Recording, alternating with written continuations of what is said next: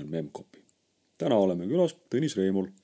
Tõnis oli Eesti esimeste PBS-ide loomise juures ja toimetab täna Riigi Infosüsteemi Ametis, kus ta vastutab ID-kaardi ja sellega seotud tarkvara tehnilise poole eest. head kuulamist. Nii, ma arvan, et see noh, minu alguse lugu nagu ma arvan, paljudel tollal oli ammu enne seda beebi-esindust, et äh, et ta on ikkagi otseselt ikkagi seotud tänu sellele, et, et isa töötas äh, tollal arvutite teemal, vist oli äh, Rahvusraamatukogu või tollal oli Kreutzwaldi nimelise raamatukogu mingi arvutuskeskus või arenduskeskus või mingi sellise imeasjaga seotud ja, ja, ja, ja sealt, eks ole, pääsesin arvutite ligi ja, ja noh, tollal tekkiski esimesed sellised äh, noh, arenenumad kirja, kirjamasinad. kui, mis, mis vanuses sa umbes olid? mingisugune viieaastane ei olnud ju? ma arvan, et see võis olla mingi viies-kuues klass, et, et äh, et noh, tollal mindi aasta hiljem kooli, nii et, et mm -hmm. siis tänapäevase mõistega mingi kuues-seitsmes klass. ja, ja, ja, ja sealt tekkis selline võimalus ligi pääseda neile üldse ja, ja loomulikult mäng, mängima saada, sest see oli nagu ainuke asi, mis tollal nagu huvitas. päriselt ka no ütleks niimoodi, et, et äh, progemisest oli veel asi kaugel okei ja ega mänge ju ei olnud, ja nojah, eks see oli, see oli nagu, kas olid äh, Malmist äh, põranda külge needitud mänguasjad või, või siis olid äh, noh, need esimesed arvutimängud, mis olid umbes nagu jooksid äh, pigem trükimasinal kui arvutil. mis arvutid nad tol ajal olid? seal äh, eks sai natukene näpitud mingeid äh, jessukesi ja, ja selliseid see vene toodangut, aga, aga tekkisid mingid esmased personaalarvutid nagu Schneider ja, ja, ja äh, selline Saksamaa, Lääne-Saksamaa selline importtoodang. see oli siis mingisugune X-tee analoog või? mida? kas ta oli mingi X-tee analoog, selle eelne isegi. isegi eelne? jah, just. okei, aga seal oli juba võimalik nagu mingeid äh,, mingeid primitiivseid mänge mängida ja, ja äh, sealt nagu vaikselt nagu see huvi arenes. aga mida nende arvutitega seal päriselt nagu iga päev tehti? sina käisid mängimas seal ja ei noh, seal äh, neid äh,, millega nagu täiskasvanud, milleks täiskasvanud neid rakendasid äh,, seda nagu ma alguses nagu aru ei saanud ja väga ei huvitanud ka. sest et no minu jaoks olid nad lihtsalt nagu tüliks, sest et nad takistasid mul arvutisse saamist. tegid igasuguseid asju. ja just, et, et äh, see arusaamine, mida täiskasvanud arvutiga teevad, see tuli alles nagu aastaid hiljem.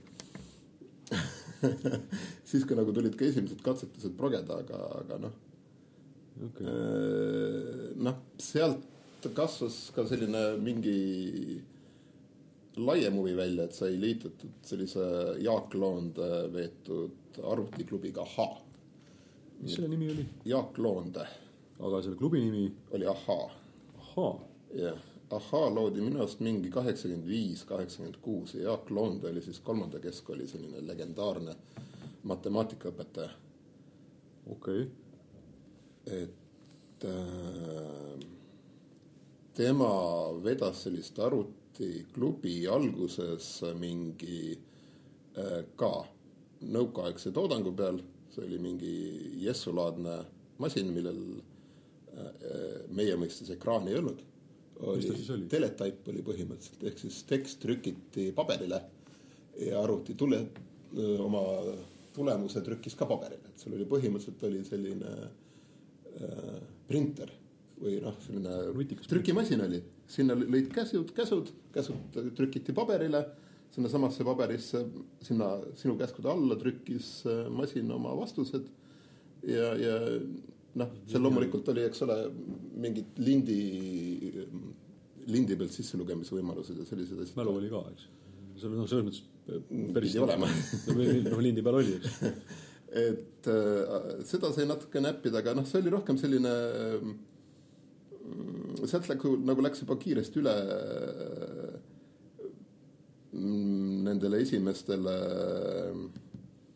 mis olid äh, Yamahad või ei, MSX-id või oli vist Yamaha MSX oli see jah, just, just, just, just. just, mõlemad. ja just, et äh, sealt edasi tulid juba Jukud ja Iskrad ja, ja, ja, ja, ja kogu see ärme, ärme, ärme veel ärme veel edasi lähme, kas, kas see oli nagu, see, et sa sinna arvutiklubisse sattusid, kas see oli sellepärast, et, et see nagu, et see tundus nagu huvitav, et mis peale mängude veel teha saab või oli see keegi sõber kutsus või kuidas sa siis tead, ma isegi ei mäleta, kuidas see sinna, võib-olla oli see asi, et, et ma äh, esimesed kolm aastat oma elus käisin ise kolmandas keskkoolis, et, et, et seetõttu oli nagu mingi oh,, mingi seos olemas. Sa teadsid seda inimest? võib-olla selle kooli kaudu siis teadsin, et okay., et, et ma, kuidas ma sinna sattusin, ma ausalt öeldes enam ei mäleta, et, et äh, aga lihtsalt niimoodi konteksti mõttes, et, et kui sa nagu arvutitega tegelesid, kas sinna käis juurde, no vaata arvutiinimesed klassikaliselt on mingisugused, ma ei tea, sci-fi sõbrad ja, ja niisugust asja, et kas sul niisugust asja ka oli? ei no ikka, eks ole, Soome televisioonis sai Battlestar Galacticat vaadatud, eks ole. Aga no- originaalseeriat, eks ole, ja ikka loomulikult, ega kandilised plekist ja robotid. just nimelt, Cylonit seal ja, tuli käis edasi-tagasi. ja loomulikult kogu nõukaaegne sci-fi kirjandus äh, oli läbi töötatud nii palju, kui kätte, kätte ulatus. Mingit konkreetset niisugust highlight'i on ka meelde jäänud, oskad öelda mõnda?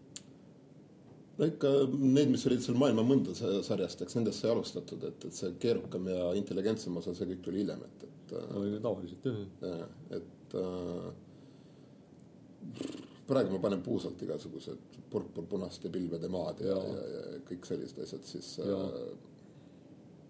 noh, see oli pigem sellise nõuka nostalgia vaimustuses kantud selline sci-fi, mis oli selline äh, jutustas äh,, kuidas äh, kommunistliku ühiskonna kangelaslikud Aga- inimesed kosmost vallutavad. aga ega neid raamatuid ju ei olnud eesti keeles nagu palju saada. mis tähendas siis seda, et nagu mingi seltskond luges väga palju nagu samu raamatuid. jah, jah, jah, loomulikult jah jah, mis võis tähendada ka siis seda, et ilmselt saadi nagu üksteist paremini aru.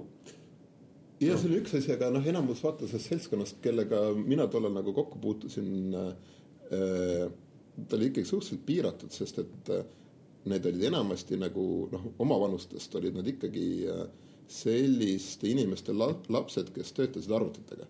noh, see okay. tähendas seda, et, et nende vanemad olid kas KBFis, Tallinna Tehnikaülikoolis või mingites nagu asutustes, kus oli siis äh, arvuteid okei okay., et, et ta oli nagu siiski sellise noh, ma ei tea, tehnilise intelligentsist nagu Okei. äh, et seda päris juhuslikku rahvast väga palju seal ei olnud, et seal oli mingi sellist äh,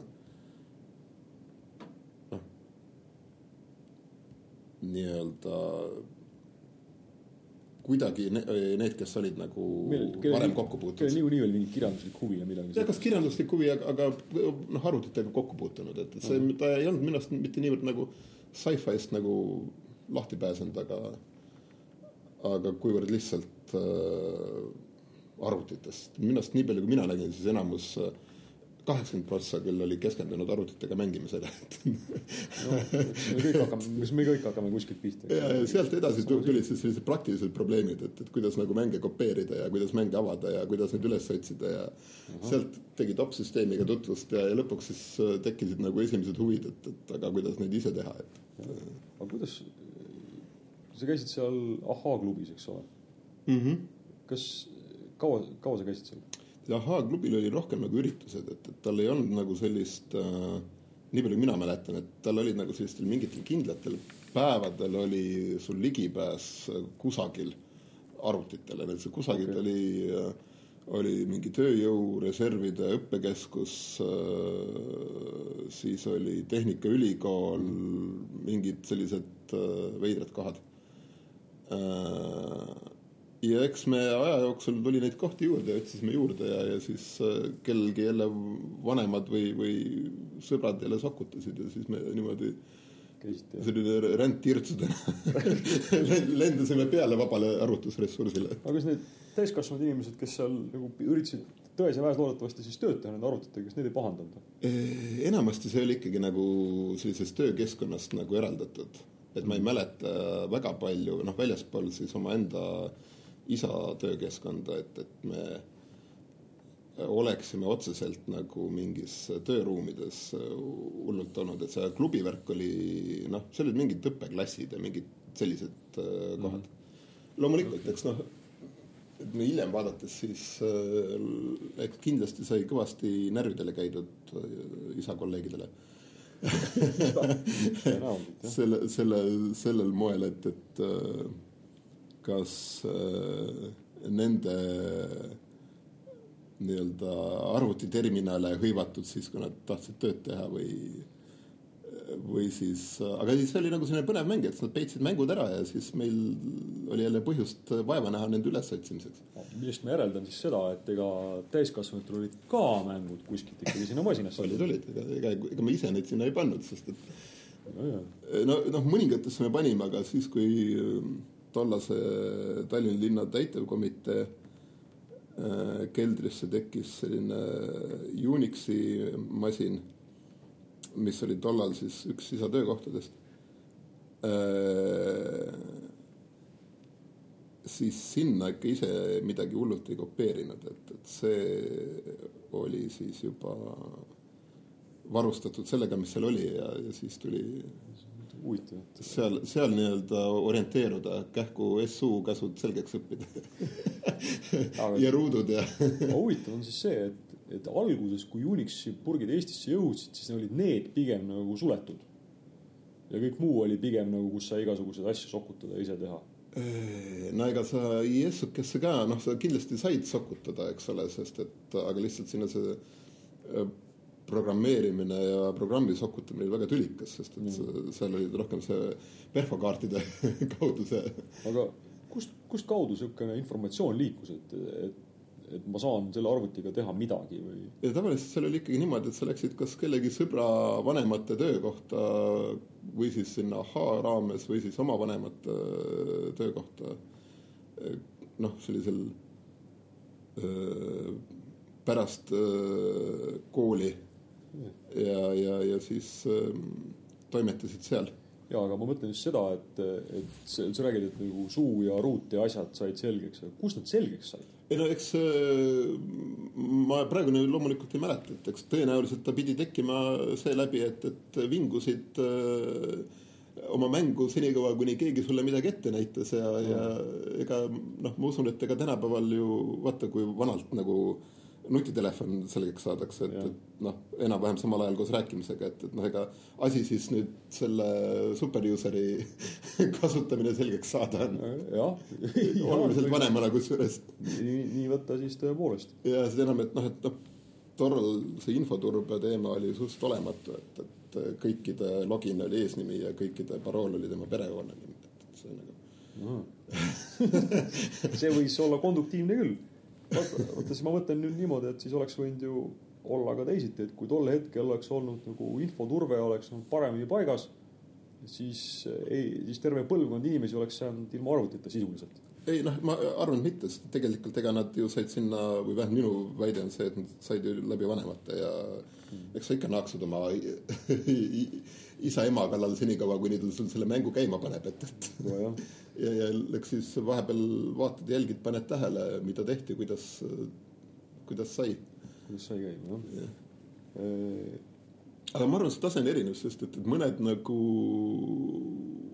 tundsid nagu põhjalikumalt võib-olla programmeerimise vastu huvi, mina nagu alguses vähem, et, et ega ausalt öeldes see programmeerimine ei ole nagu läbi elu mu selline tugevam külg olnud, et ma rohkem olen äh, sellise müügiturunduse juhtimise, projektijuhtimise, tootejuhtimise kallakuga läbi elu aga teades, mis tooteid sa oled juhtinud, siis seda ju ei saa teha ilma aru saamata väga hästi, mis seal nagu kapoti all käib. ja ei, see on teine, noh, see, see huvi on ka loomulikult alati olnud, et, et kuidas, kuidas asi töötab.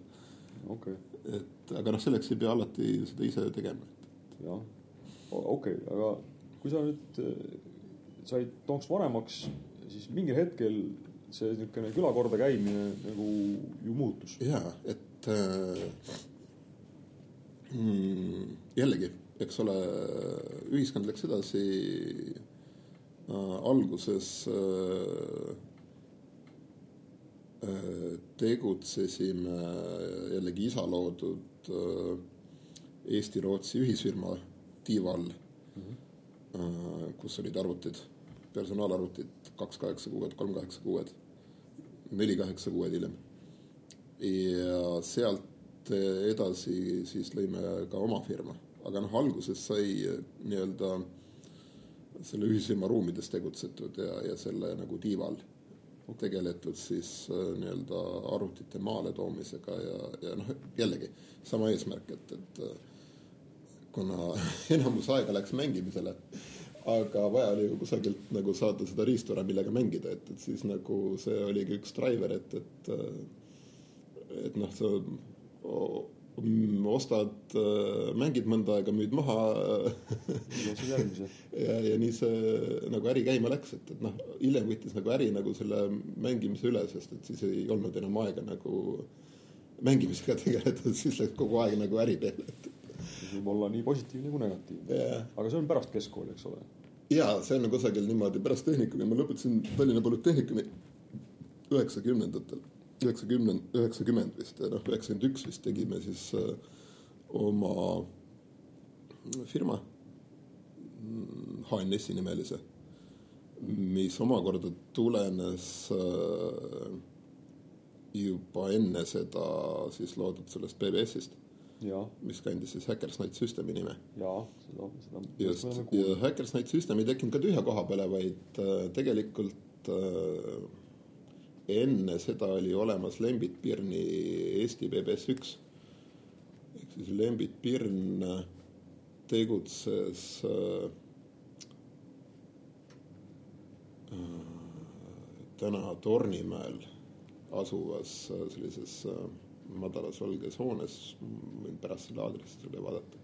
see oli, tollal oli mingi transport, transpordi informaatikakeskus või midagi sellist. okei okay.. ja, ja tema, temal oli siis esimene moodemiga töötav ähm, BBS püsti pandud, seda sai kõvasti nagu külastatud äh,. aga miks?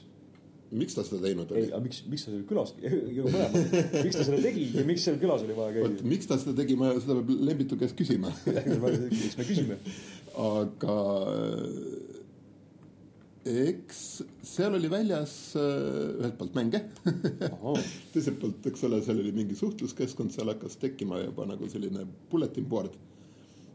Äh, et ta läks nagu käima jällegi tarkvaravahetuse pealt, noh, mis äh, tollal oli täiesti tavaline tänapäevases mõistes nagu räigelt illegaalne tegevus. aga noh, nõukogude ajal see mõiste oli võõras see on, ja see on nõukogude aeg veel? jah yeah.. okei okay.. et äh, nõukaaja lõpus üheksakümnendad noh. see on noh, selline üleminekuaeg, et, et yeah. Äh, aga ja, ja, ja sealt, sealt nagu sai infot, äh, kuna ta vist oli ka Fidaneti liige, et siis sai infot nagu äh, teiste BBS-ide kohta maailmas. hakati, sai hakatud Soomes äh, külastama, vist oli Jouni Salo BBS ja, ja Rondvaitiga suhtlema ja, ja Rondvait oli siis Fidaneti Euroopa vist äh, nõudipidaja minu arust Euroopa tsooni pidaja, ma mäletan. Okay.. ja, ja eks nemad aitasid, juhendasid edasi ja sealt tekkis loomulikult äh, järgmine samm, äh, mõte endal oma BBS püsti panna.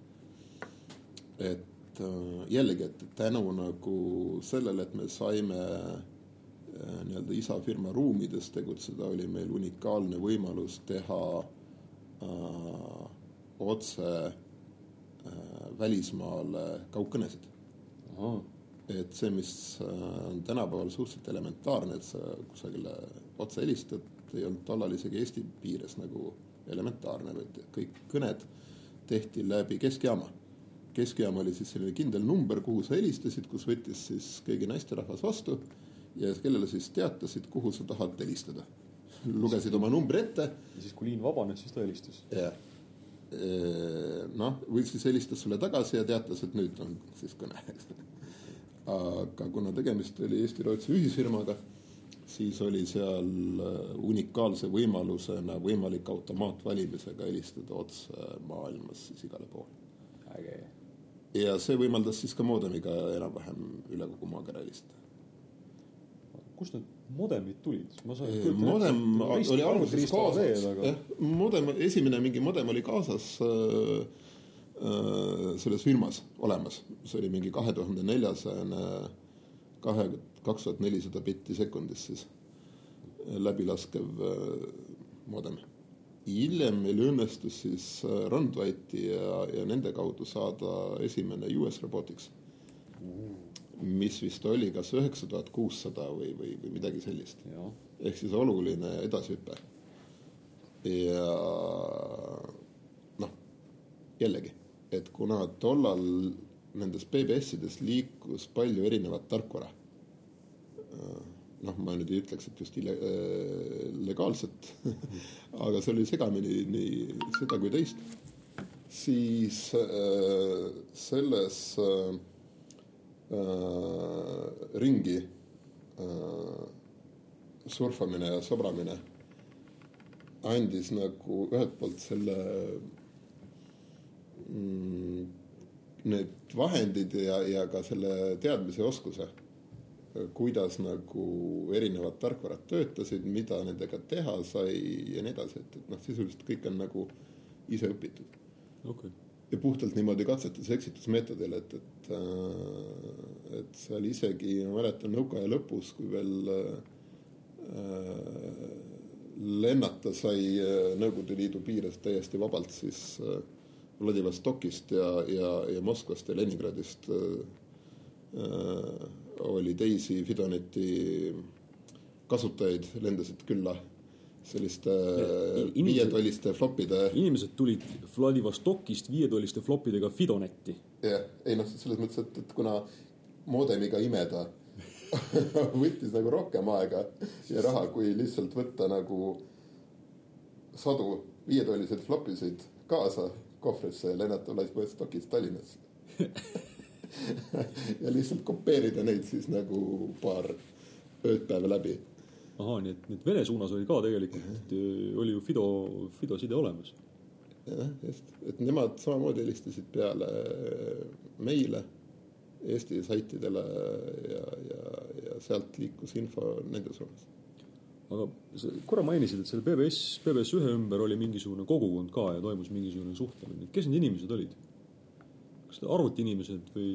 vot ma seda väga palju ei mäleta, et et äh, ma mäletan, me sealt liikusime kiiresti edasi, et, et see äh,, ta vist oli suhteliselt niimoodi äh, staatiline, vaikne ja rahulik äh, pärast seda loomist, et, et seal vist äh, nagu väga nagu äh, nüüd sellist kommuuni nagu ei tekkinud või, või siis vähemalt ma ei mäleta sellest. tekkis kommuun rohkem nagu äh, siis, kui äh, neid PBS-i pidajaid tuli juurde okay.. ja mingil hetkel äh, sai kokku kutsutud siis esimene SÜSOP-ide selline nõupidamine, mis toimus Viru hotelli mm,, ma ei tea, kahekümnendal korrusel, kahekümne teisel korrusel ühes väikeses sellises ähm, äh, hotelli äärepealses toas seal oli Lõvi oli seal äh,, mina, Tarmo Ausing, Tarmo Mammers, Virko Püss vist.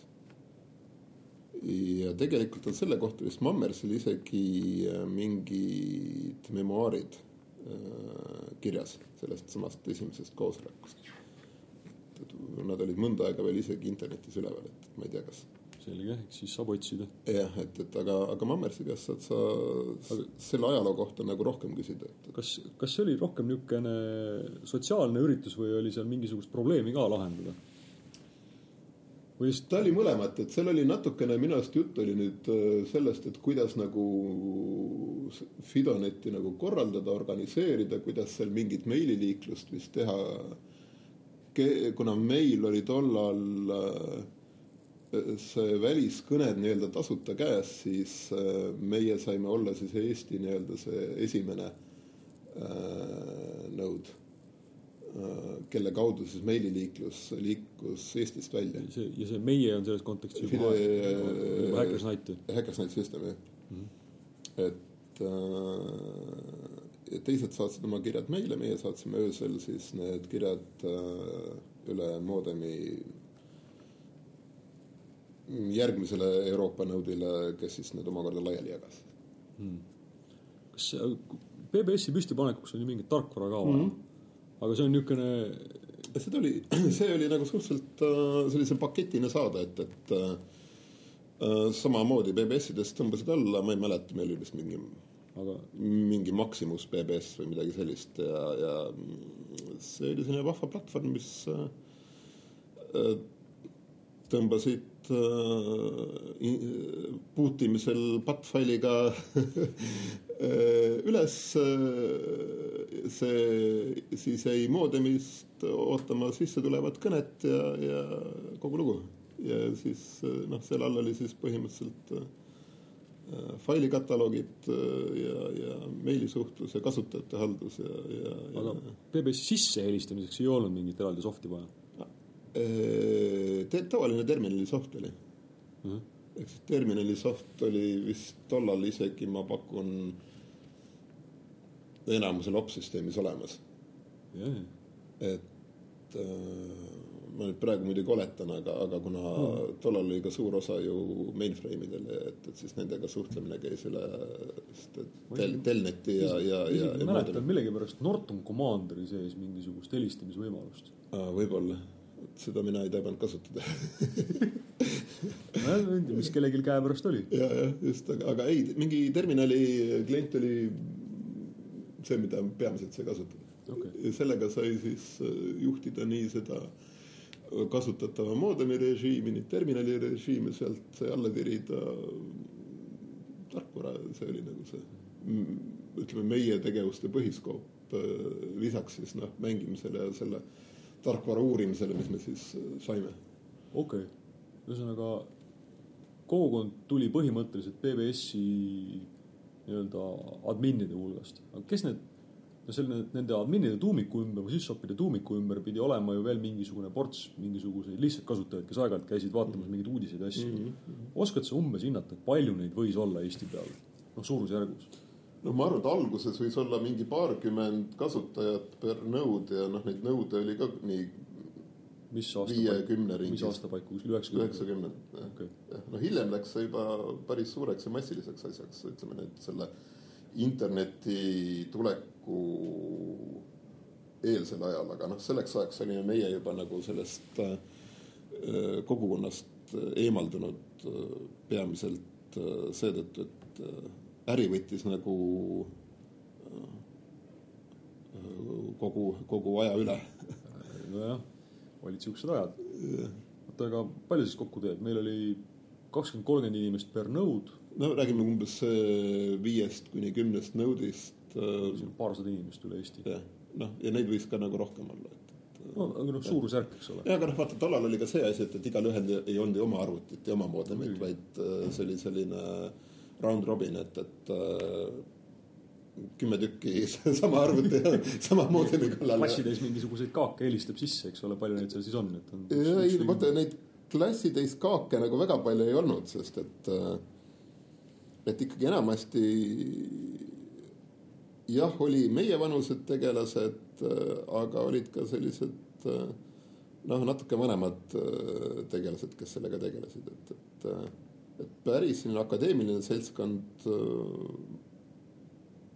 ma ei, ei mäleta, et seal väga sellist teadlasi ja uurijaid et noh, neil oli ilmselt oli omad, omad vahendid ja omad võimalused. ma usun, et, et ka Usenet oli ju olemas äh, kusagil.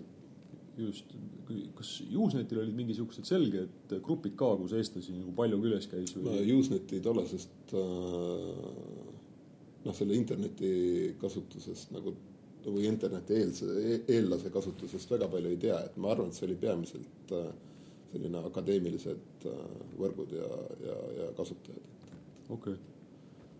Nonii, panite oma HNS-i püsti ja siis mm. -hmm. hakkasite tooma kuskilt Nõukogude Liidu avarustest juppe ja Eestis maha müüma või? pigem vastupidi, et me hakkasime tooma Saksamaalt arvutijuppe, neid siin kokku panema ja siis äh, Eestis maha müüma.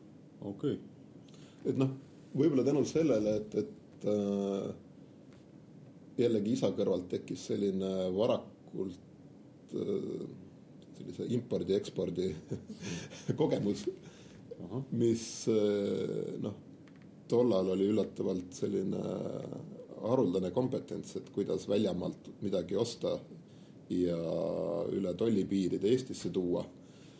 et see oli siiski nagu suhteliselt haruldane teadmine. Okei, esiteks, kuidas leida üldse see kontakt, kellele helistada, kuidas talt äh, En- enne hinnapakkumist ja enne internetti. enne e-poode.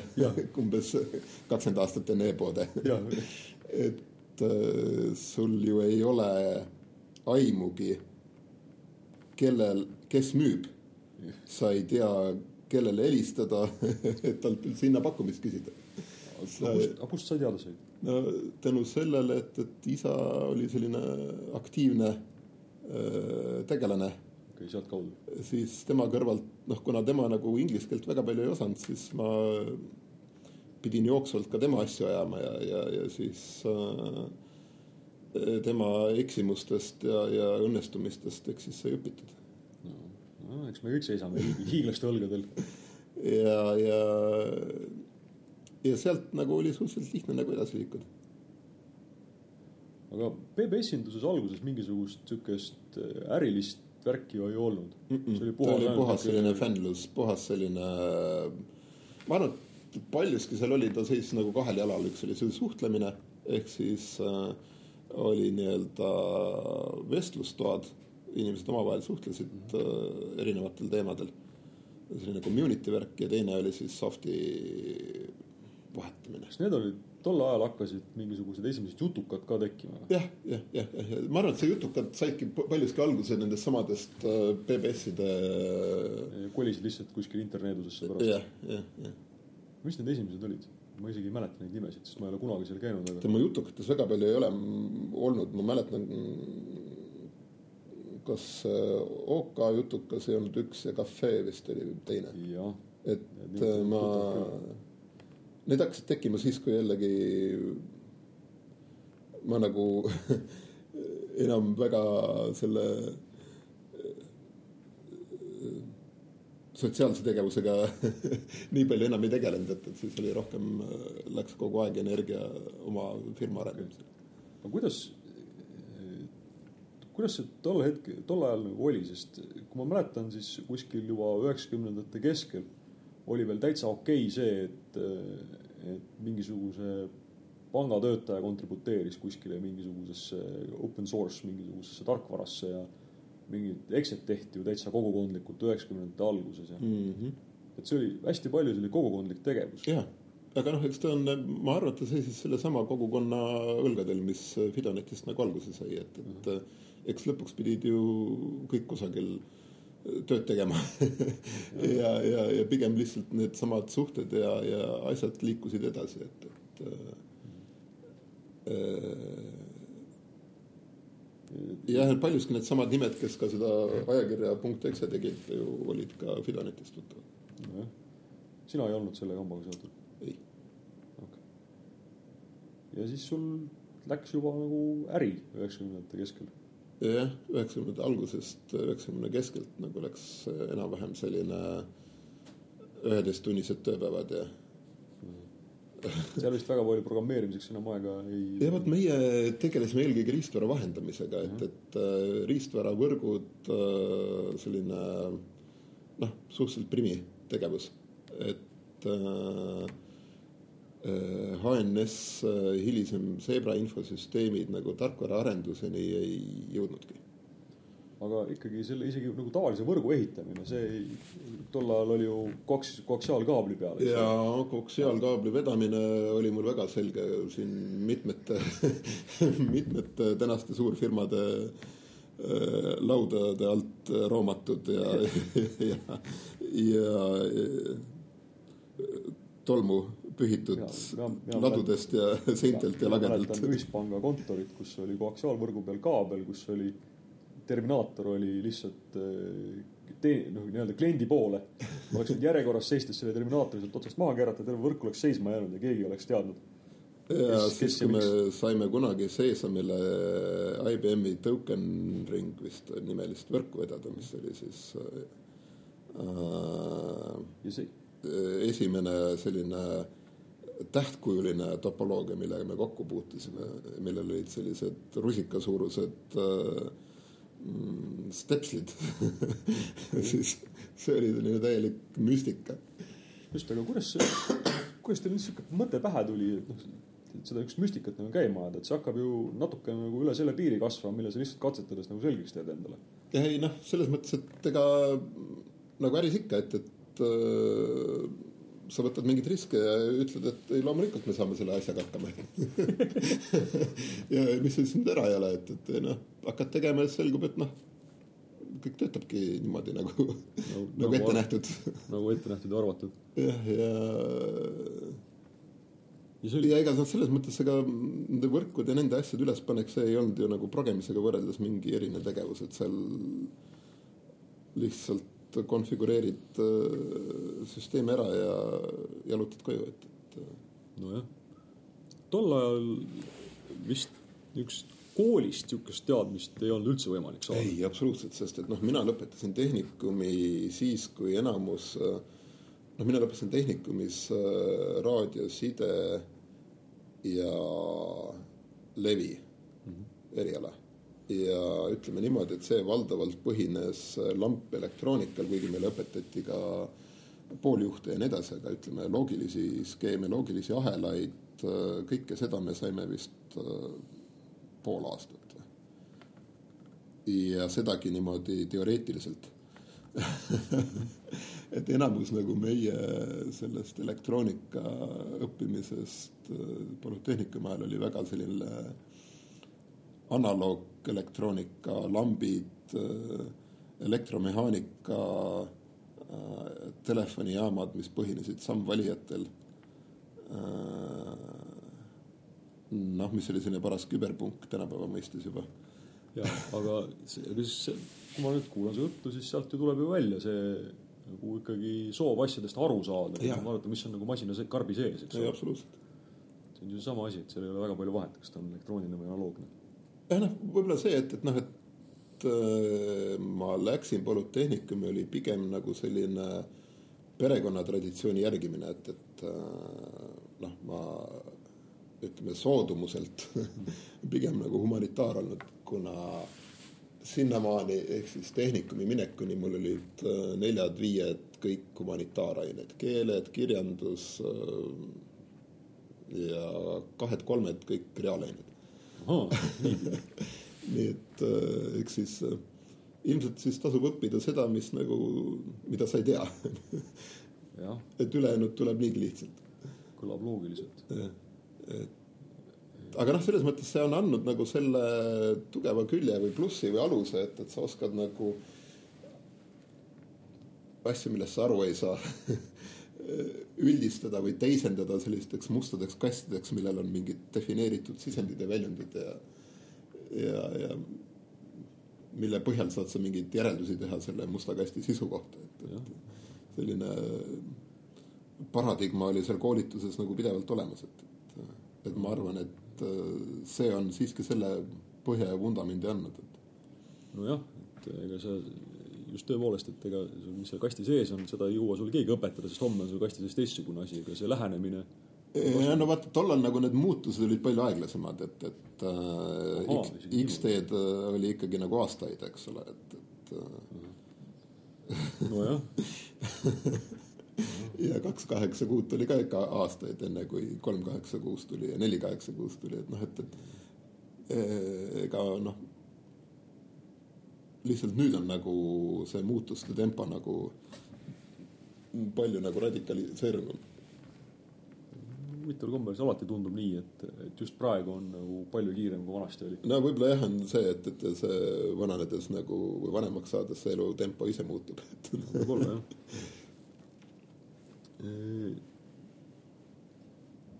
mis, mis hetkel see, see kogukond nagu, kuidas ma ütlen, mitte, mitte et ta oleks laiali vajunud, aga mis hetkel see nii-öelda koostoimetamine ja kogukond hakkas selgelt alla jääma sellele, et igalühel oli vaja nagu laen ja liising ja, ja pere mm,. mida sa küsisid?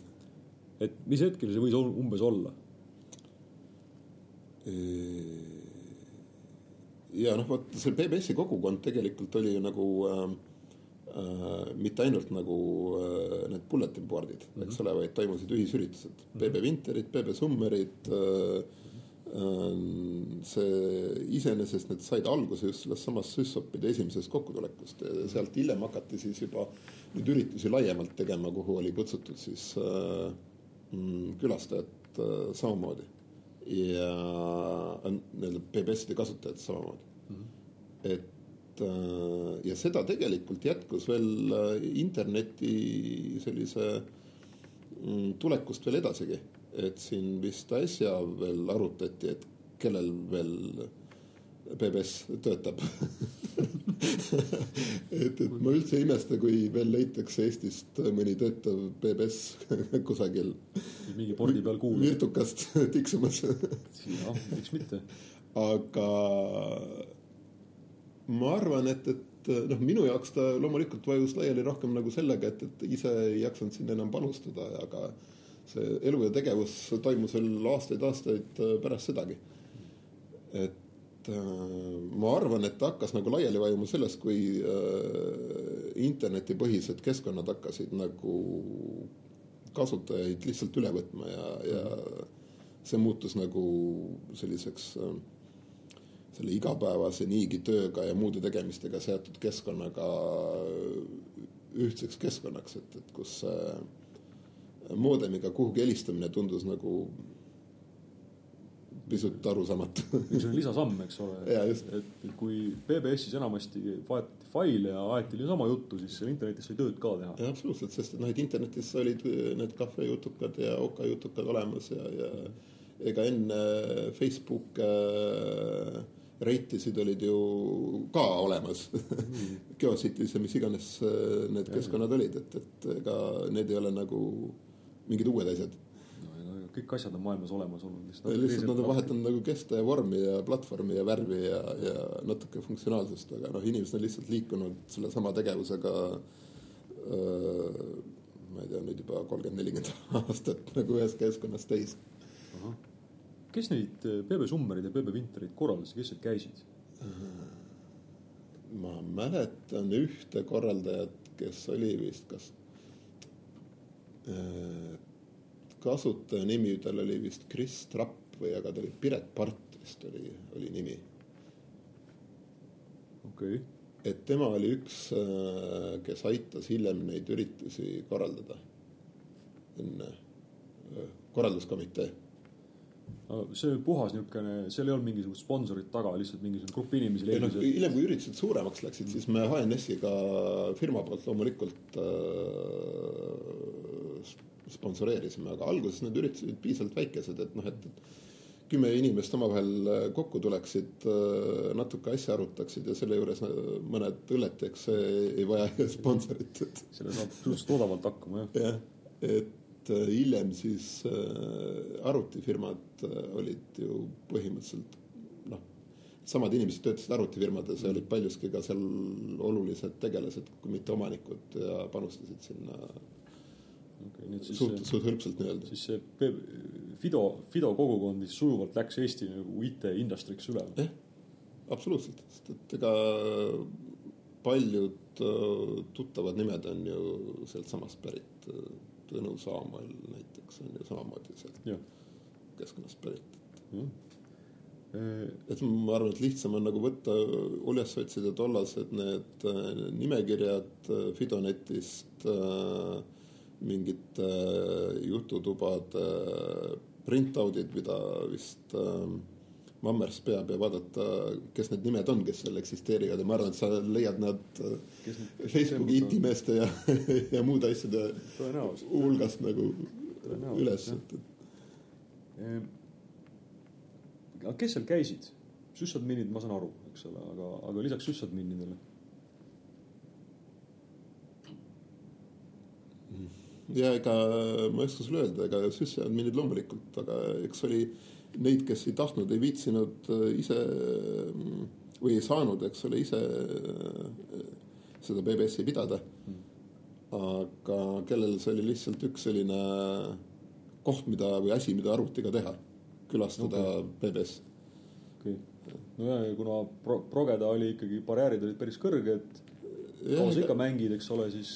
jah, et, et ega noh eks mõned tulidki läbi progemise huvi, minule endale loomulikult tuli see läbi mänguhuvi, eks ole. see oli võimalus äh, info suhtlemise, tarkvara vahetamiseks, noh, ka tehniliste teadmiste vahetamiseks, nii et, et äh, ega tollal, kusjuures ju see suhtlemine oli oluliselt raskem selles mõttes, et kui kõigil ei olnud isegi mitte kodus telefoni mm. siis, siis BBS oli. jah, et, et siis tänapäeval tundub nagu kõik on nagu käeulatuses, et, et sa pead lihtsalt taskust telefoni võtma ja Google'isse otsingu panema, et, et tollal sa pidid äh, otsima telefoni mõtlema, kellele helistada, et küsida, kas ta teab kedagi, kes teab midagi. noh, et, et selles mõttes see Fidonet andis ka nagu sellistele community tena ka selle võimaluse, et sa said sinna ava, avalikku board'i panna mingi küsimuse, et, et kas keegi teab, kuidas lahendada ühte või teist probleemi. ja tulid vastused ka? kindlasti kust nad pääsesid mõnel ilmselt tuli ja mõnel ilmselt ei tulnud. eks see sõltub nagu küsimusest mm.. eks seal oli noh, seal oli asjalikke jutte, seal oli oma läbukohad, kus niisama jaurati seal olid tehnilised vestlusringid, et äh.... siis jah, see paneb asjad muidugi teise kont-, konteksti, et, et loomulikult, et kui sul kodus isegi mitte telefoni ei ole, siis sul võimalus rahvusvaheliselt lausa suhelda inimestega. see on nagu märkimisväärselt teistsuguse hinnaga kui siis, kui sul on mobiiltelefon ja võib-olla kaks. ja interneti ühendatud arvuti, eks ole, alati käepärast. no just, aga mõtle nagu sellele, et, et Google'it ei olnud tollal veel tollal ei olnud väga paljusid maailma asju olemas et, et noh, et, et Google oli sul üle laua su kolleeg ja naaber ja sõber ja sul endal pidi olema selline kontaktibaas ja varamu piisavalt suur ja lai. et teaksid, kes, teaksid kedagi, kes teab kedagi, kes oskab sulle öelda, oskab talle öelda midagi. just Pronto tõi välja sellise mõtte, et kas sa oled nõus? Pronto ütles, et, et kuna väga paljus, nagu sa ise räägid, et, et väga paljus sul see võimekus üldse vahetada informatsiooni või astuda sinna kogukonda sõltus sellest, et sul oli just see, nimelt see kontaktibaas mm. -hmm.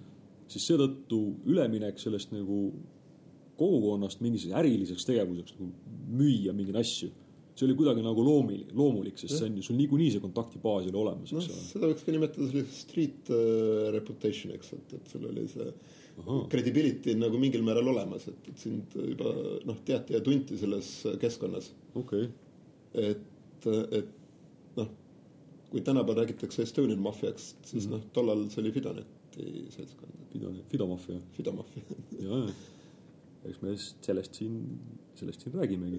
et äh, jah, ei loomulikult, eks äh, paljud ka meie kliendid tulid läbi selle Fidoneti või vähemalt teadsid meid sealtkaudu. nojah, sest ega arvutit igaüks ei ostnud, eks, osteti siis, kui oli juba teada. ja, ja paljud neist ju töötasid, eks ole, mingis pangas või firmas hiljem ja, ja, ja firmad laienesid, tahtsid saada arvuteid. kusagil oli neil ju palgatud mingi itimees, kes pidi selle probleemi lahendama ja, ja noh, ega tal ka ju ei olnud äh, Google'it, kust äh, või e-poodi, kust nagu minna küsima parimat pakkumist, tal oli endal ka need inimesed, keda ta teadis ja usaldas, kelle käest siis seda pakkumist minna küsima. nojah, jah, jah, jah, ja, ei, ei ole nii, et lähed poodi, ostad palun mulle nagu kuusteist arvutit. Tõnis raputab pead, ei olnud nii palun nii. no ütleme niimoodi, et ega see arvutiäri alguses oli ka ju see, et, et ega kuna valuutat ju väga palju kellelgi ei ringelnud, siis laoseisud olid ju olematud mm.. põhimõtteliselt võeti ettemaks, ettemaks maksti äh, välismaale, selle eest oodati siis äh, kuni see arvuti kohale laekus, siis pandi see kokku ja siis tarniti kliendile, et, et, et kui hästi läks, sai alla kuu aja kätte. Et, et ka see eeldas tegelikult ju usaldust, et sa annad kellelegi nagu noh, ta maksis tuhat raha no ütleme, sellised arvutiklassi noh, selline arvutikategooria mõttes need hinnad ei ole eriti muutunud, selline mm -hmm. hea arvuti oli üle tuhande, eks ole, ja, ja tavaline nii-öelda. tuhande mille? penni. okei okay.. näiteks näiteks näiteks. Ja noh, see, et sa annad mingile matsile selle raha ära, ta ütleb, et ära muretse, kuu aja pärast tuleb arvuti. saad kätte selle et see eeldas ikka nagu üksjagu nagu sellist äh,. usaldust ei ole siis. noh, et ega see valuutat ei olnud, et, sul oli ju tegelikult enamasti tehingud algusest tehti ju rublades mm. -hmm. ja rubla ei olnud konverteeritav millekski muuks kui rublaks. see rubla võis ka kuu aja jooksul päris nagu oluliselt muutuda. ja noh, oli veel see aeg, eks ole, kui äh, oli paljudel asjadel äh, oli kaks hinda. oli ülekanderubla hind ja sularaha rubla hind kumb odavam oli? odavam oli sularahas, sellepärast et sa ei saanud alati pangast sularaha kätte. See oli mingid kindlad hetked, millal panka toodi sularaha. ja siis sa pidid teadma, kas õigeid inimesi või õiget aega, et saada seda sularaha. see muidugi seletab kõiki neid legende, kuidas arvutifirmades ja pankades hoiti siukseid sularahapakke kuskil kapis ja vetsus ja kus, kus ja, iganes veel. ja see oligi niimoodi, et kui taheti midagi ülekandega osta, siis äh, noh, ja, ja noh, see oli nüüd meie enda valik, et kas me siis müüsime midagi valuuta eest või, või rublade eest. Äh, ja kui ülekande eest otsustasime müüa, aga siis oli see hind kallim lihtsalt puhtalt seetõttu, et, et pärast selle raha kättesaamine pangast oli nagu oluliselt keerulisem. ja sellest ajast siis sa oledki jäänud niimoodi arvutite, arvuteid, arvutitega tegelevaid inimesi juhtima? nojah, mul on nagu see taust selline, et, et ütleks mind nagu edas, mida aeg edasi, seda enam on mind huvitanud nagu rohkem sisulised asjad, kuidas asjad töötavad ja vähem huvitanud inimeste juhtimine, et, et. mõistan, mõistan. et äh, ütleme niimoodi, et inimesed on keerulised, arvutid on lihtsad kuldsed sõnad.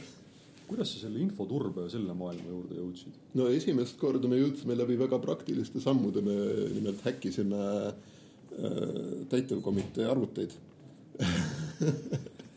selleks, et, et äh, sinna ligi saada ja mängima saada ja siis me avastasime, et, et on olemas äh, tollal siis õnnepaleeks kutsutud äh, majas äh, täitevkomiteel üks äh, moodemite peal töötav teenus. kus sai abielus registreerida ja sünde ja surmasid ja, ja muuhulgas seesama moodemi otsas sai äh, eraldada kont-, kortereid vaata, kus lugu. nimelt korterid ei saanud tollal osta, vaid neid eraldati sulle riigi poolt. ja siis te avastasite mingi koha, kuhu sai sisse helistada ja eraldada kortereid? jah, me avastasime, et sinna sai sisse helistada, aga see oli parooliga kaitstud ja noh, parool oli jällegi eesnimi ja perekonnanimi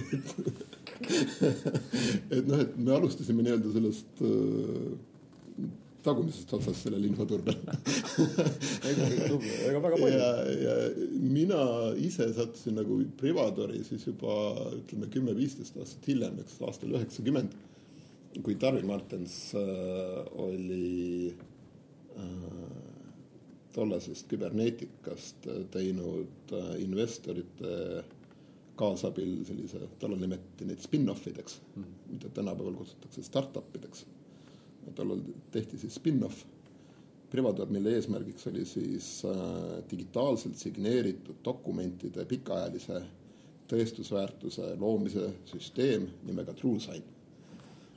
väga, väga veenev. Äh, seda muidugi hakati tegema kaks aastat enne ID-kaardi projekti algust, enne kui ühtegi signeeritud dokumenti keegi näinudki oli. selle koha peal saavad huvitaval kombel kokku võtta krüptot ja siukseid asju enam nagu paljakäsi ei tee, et seal on vaja mingisugust nagu teadust mm. -hmm. et siis ühest küljest, mis tähendas, et paratamatult üheksakümnendate lõpuks juba pidid hakkama otsapidi kokku saama need inimesed, nagu sa räägid, kes noh, kes olid ise õppijad mm. -hmm. mingid teistsugused inimesed, kes kindlasti ei olnud ise õppijad mm. -hmm. et kuidas, kas seal mingisugust, kuidas see käis ja kas seal mingisugust hõõrumist ei olnud või? Ei, ütleme ka enamus tollastest kolleegidest olid paljud vanad tuttavad Fido ajast, nii et, et mm -hmm. noh, mina Privadori liitusin küll turunduse ja müügifunktsioonis. Äh, hiljem siis alles hakkasin tootejuhtimise ja, ja, ja äh, nii-öelda juhatajana seal tööle mm. -hmm.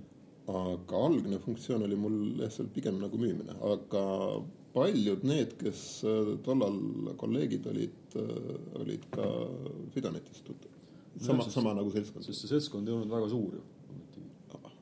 noh, tegelikult see aru, üldse noh, kogu see seltskond, kellel üldse oli ligipääs üheksakümnendatel arvutitele, ei olnud väga suur mm. -hmm. et see oli veel see aeg, kui arvutid olid peamiselt firmades aga mitte kodudes. üheksakümnendate lõpus alles hakkas tekkima see trend, kus äh, äh, firmad olid enam-vähem arvutitega varustatud, äh, hakati ostma rohkem rakendustarkvara või noh, ütleme, turutrendid liikusid rohkem rakendustarkvara poole ja eraisikud hakkasid endale koju ostma aga Nõo kool oli ju juba toimetanud selles Nõo kool oli juba, juba nõukaajast nagu. no seda ma mõtlengi, et see oli see ju, sealt ju tuli iga aasta, sealt ju tuli iga aasta mingisugune paarkümmend niisugust arvutiinimest välja. ja, ja absoluutselt jah, ega, ega tegelikult ju sovhoosides, kolhoosides parematel olid omad ju arvutuskeskused ja arvutid olemas juba nõukogude ajal. et okay. see arvuti kui selline Eestis ei tekkinud päris üheksakümnendatest, vaid see ikka oli ammu, ammu enne minu sündi olemas ammu enne meie kõigi sündi. just. aitäh, see on Palun. väga kasuline ja väga huvitav jutt, et äh, jah, aitäh sulle. palun